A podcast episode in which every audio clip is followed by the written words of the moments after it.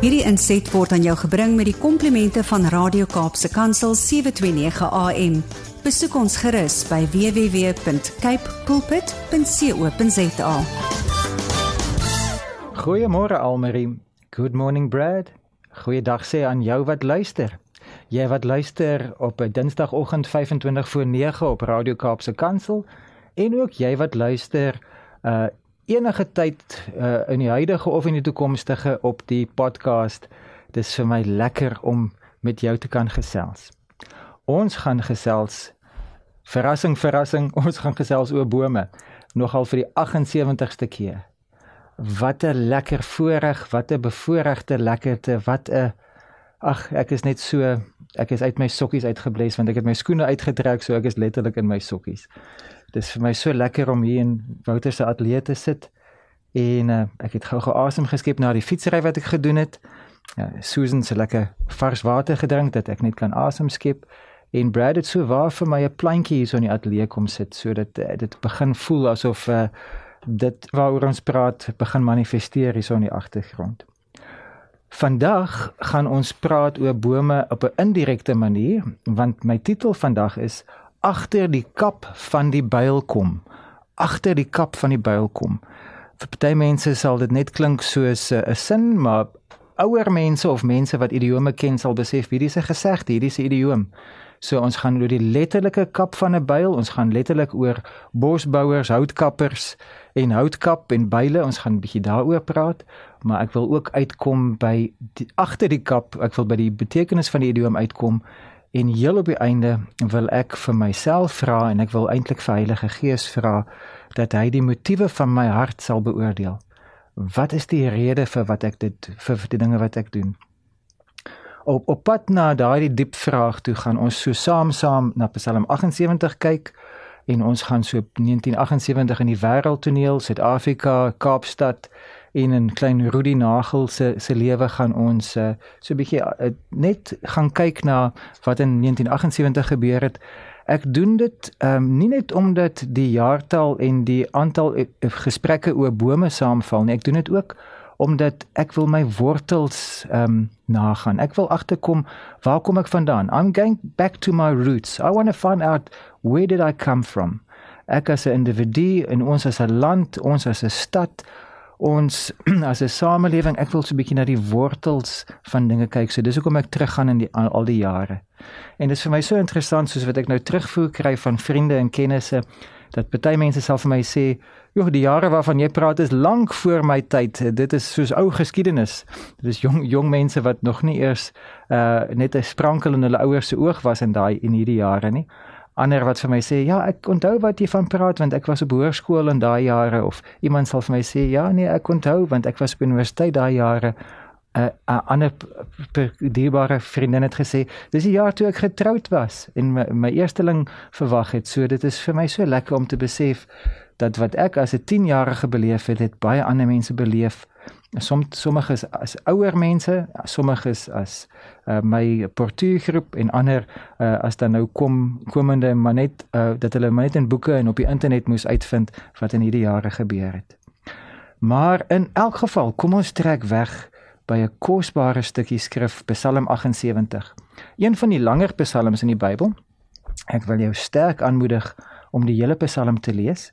Het jy geweet dat ons kan um vir die Here vals komplimente gee. We can flatter the Lord. Dit is nogal een van die frases wat in hierdie Psalm voorkom. En die gedagte om vir die Here uh goedkoop komplimente te gee uh om om om vir hom soort van heuning om die mond te smeer. Dit is 'n gedagte wat nogal by my bly en ek gaan dit vorentoe bietjie moet uh, ondersoek want ek dink ek is skuldig daaraan. So Psalm 78 praat van flattering the Lord om om vir die Here heuning om sy mond te probeer smeer. Nou ja, ons kan nooit ons kan nooit daarmee wegkom nie. Die Here is te lief vir ons. Maar ek wil by die verse 52 en 53 uitkom. Psalm 78 vers 52 uit die 2020 vertaling sê maar soos kleinvee het hy sy volk laat wegtrek. Toe het hy hulle soos 'n kudde in die woestyn gelei. Hy het hulle veilig gelei sodat hulle nie verskrik was nie. Psalm 78 uh, out of the NIV translation 5253 but he brought his people out like a flock. He led them like sheep through the desert. He guided them safely, so they were unafraid. He guided them safely, so they were unafraid. Alles in my wil net vas staan by die Psalm, maar ek moet net gou-gou na na Jesaja 40:11 gaan wat so 'n parallelle verwysing is hierna. Jesaja 40:11 Soos 'n herder laat hy sy kudde wy. In sy arms maak hy lammers bymekaar. Teen sy bors draai hy hulle. Die lammer oeye lei hy. 'n Ooi lam en 'n lammer ooi. Heeltemal verskillende gedagtes. 'n Lammer ooi is 'n uh, is 'n ooi wat lammertjies het. Uh Jesaja Isaiah 40 verse 11 in the NIV reads as follows. He tends his flock like a shepherd. He gathers the lambs in his arms and carries them close to his heart. He gently leads those that have young.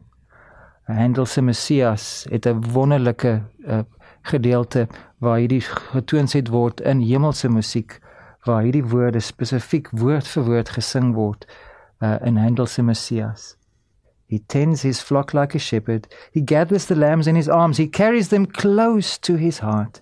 He gently leads those that have young. Alles in my wil vas staan, maar kom ons kyk na ons wortels van 1978. Uh in die op die wêreldtoneel op die wye wêreld, uh we had Egypt and Israel sign the Camp David Accords. There's been so many accords, so many peace treaties, so many tries to get peace in the Middle East. and these were one of those uh, that were partially successful. Egypt and Israel signed the Camp David Accords. Op 'n ligter noot, in 1978 the first Garfield comic strip saw the light. Garfield is so waar so oud dat hy in 1978 vir die eerste keer gepubliseer is. And then in the United Kingdom, the first test tube baby is born. 1978, in the United Kingdom, the first test tube baby is born. En dit laat my net weer terugdink aan he gently leads those that are with young. Want um, iemand wat 'n uh, ma wat pas geboorte gegee het, die die vreugde van ouerskap, die vreugde van van 'n 'n geboorte en dan as ons dink aan ons vorige gesprek waarin ek gepraat het oor stilgeboorte, die intense pyn en trauma wat my ma deurgegaan het na 'n voltermyn swangerskap waar klein Konrad Nagel dood in die lewe ingebring is en hoe dit ons hele gesin geruk het, maar dan ook geraak het en gebou het omdat die Here dit gebruik het om ons by hom uit te bring. Uh in ons eie gesin het ons veelvoudige miskrame beleef, sommige vroeë miskrame, maar ook later miskrame wat intense pyn en uh, ek ek wil nie nou daar vas staan nie, ek sal te emosioneel raak om nou daaroor te te praat. Ons sal vorentoe daaroor praat. Maar kinderloosheid uh, is 'n pyn wat eintlik net die wat daardeur geraak word verstaan. Anders sal sê net die wêreld is oorbevolk en kinderloosheid is eintlik 'n gawe. Maar as jy 'n intense verlange het na kind kind uh, om kinders te hê, 'n uh, 'n egpaar wat vir jare al probeer en nie kan kinders hê nie, wat selfs met vrugbaarheidsbehandeling steeds kinderloos is. En selfs enkel lopendes wat begin besef maar hulle sou eintlik baie graag 'n mamma of selfs iemand wat sê ek sal eintlik graag 'n pappa wou wees alhoewel dit nie in in in in sy eh, ervaringsveld is nie. Kinderloosheid. Dis 'n gesprek vir 'n volgende keer. In Suid-Afrika was PW Botha uh, het hy oorgeneem by John Foster as eerste minister.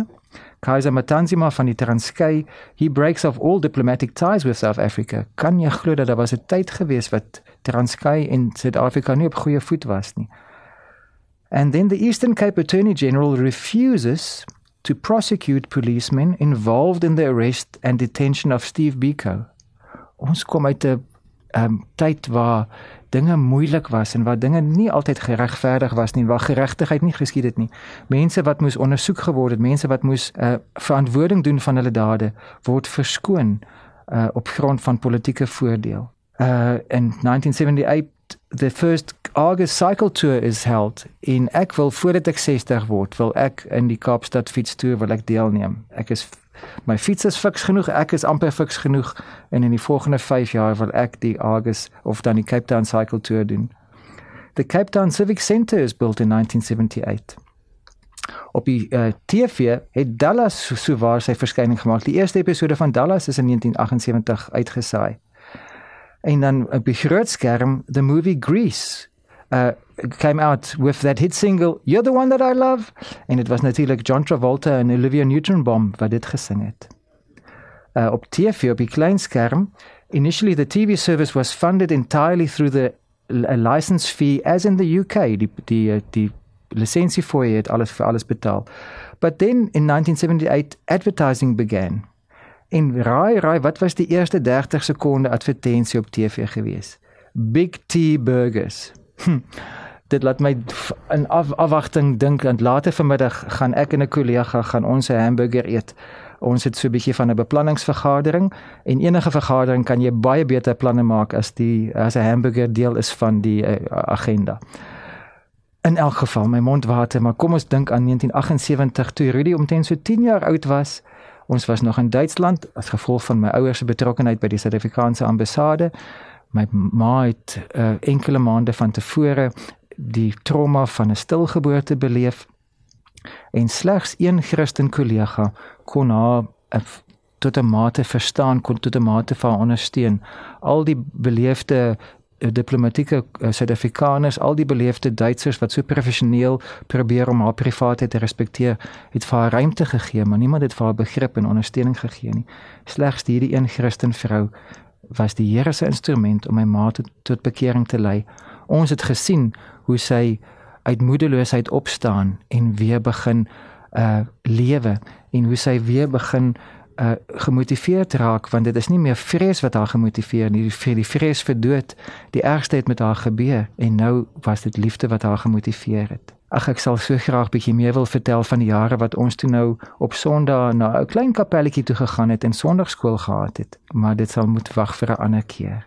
As ons praat oor ons tema, agter die kap van die byl kom, dan om letterlik dan daarmee te praat, is 'n byl natuurlike instrument waarmee jy hout kan kap.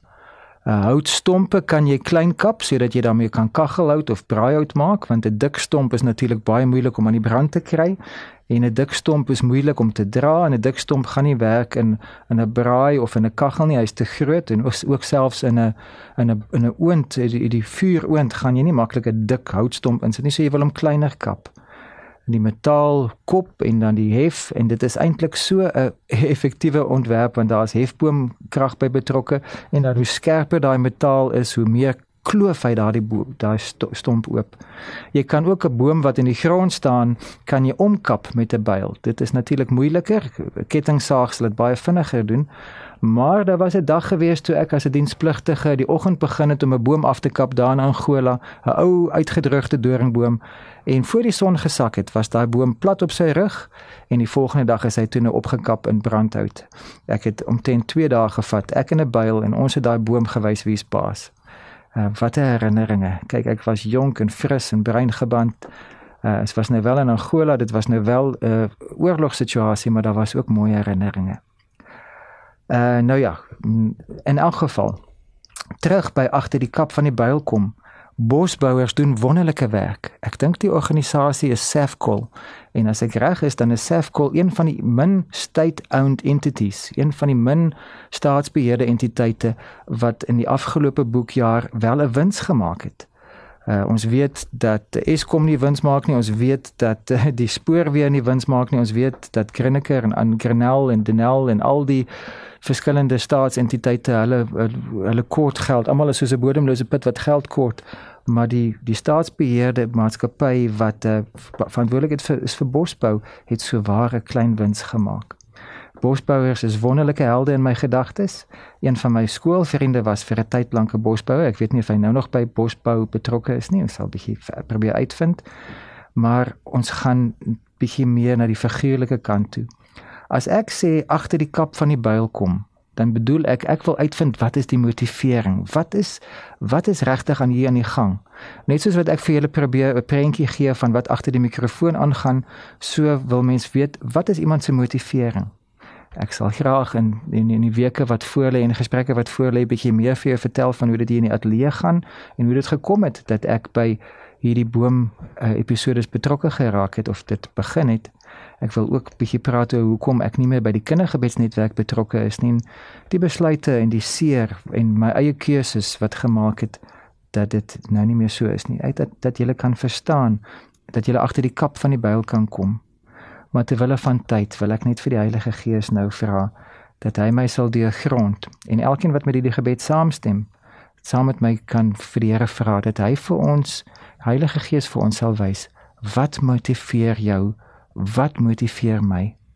Kom ons staan vir 'n oomblik stil en genadiglik is die Here nie met 'n byl in die hand besig om na jou toe te kom nie.